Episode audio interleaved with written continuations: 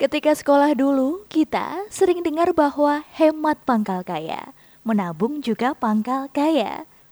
Namun, pernyataan itu tidak sepenuhnya benar. Dalam mode inflasi, orang yang menabung dalam bentuk uang kertas hanya akan mendapatkan hukuman. Mereka akan terkena hukuman inflasi. Uang mereka menjadi tidak berharga di kemudian hari. Kekayaan dari hasil kerja dan pengorbanan yang mereka keluarkan akan hilang begitu saja. Menabung dalam bentuk uang kertas hanya akan membuat kita semakin miskin. Uang yang sama tidak bisa ditukarkan dengan komoditas yang sama di masa mendatang. Harga motor, rumah, dan sembako terus naik. Tahun 1992, uang Rp12.000 bisa ditukarkan dengan 24 kg beras. Tahun 2020, uang Rp12.000 hanya bisa ditukarkan dengan 1 kg beras. Itu semua adalah akibat jika kita menyimpan uang kertas di bawah bantal, lemari, atau tempat rahasia di rumah kita. Jika kita menyimpan di bank, kita bisa mendapatkan bunga simpanan. Uang kita akan berkembang. Namun, Bunga deposito rata-rata 5% setiap tahun bukan pilihan ketika inflasi per tahun mencapai lebih dari 100%.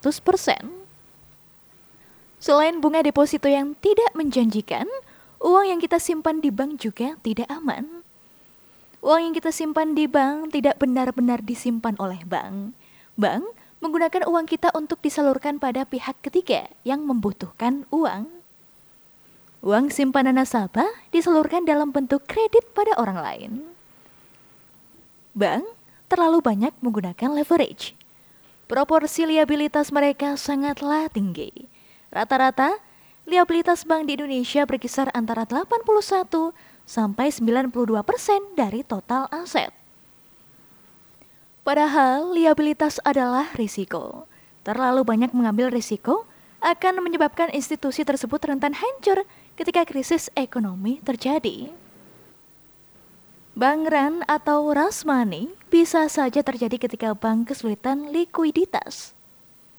Bank tidak dapat memenuhi kewajiban mengembalikan dana simpanan nasabah ketika ekonomi lesu dan banyak kredit macet. Bank tutup sementara. Bank membatasi jumlah uang yang boleh ditarik nasabah. Bank juga bisa menangguhkan penarikan uang nasabah. Dalam kondisi sulit, bank mudah bangkrut. Ketika masa krisis, taksiran aset jaminan dari pinjaman tidak sebesar perkiraan awal. Bank kesulitan likuiditas dan butuh bantuan dari institusi lain, seperti bank sentral atau pemerintah. Selain itu, kita seharusnya tidak menyimpan uang di bank karena unsur riba, terutama institusi bank konvensional Bank konvensional menawarkan bunga pinjaman yang lebih tinggi daripada bunga simpanan. Dari selisih itu, bank mendapatkan profit. Baik pinjaman atau simpanan di bank, kedua akadnya sama-sama utang piutang. Dan setiap penambahan dalam akad utang piutang uang adalah haram dalam Islam.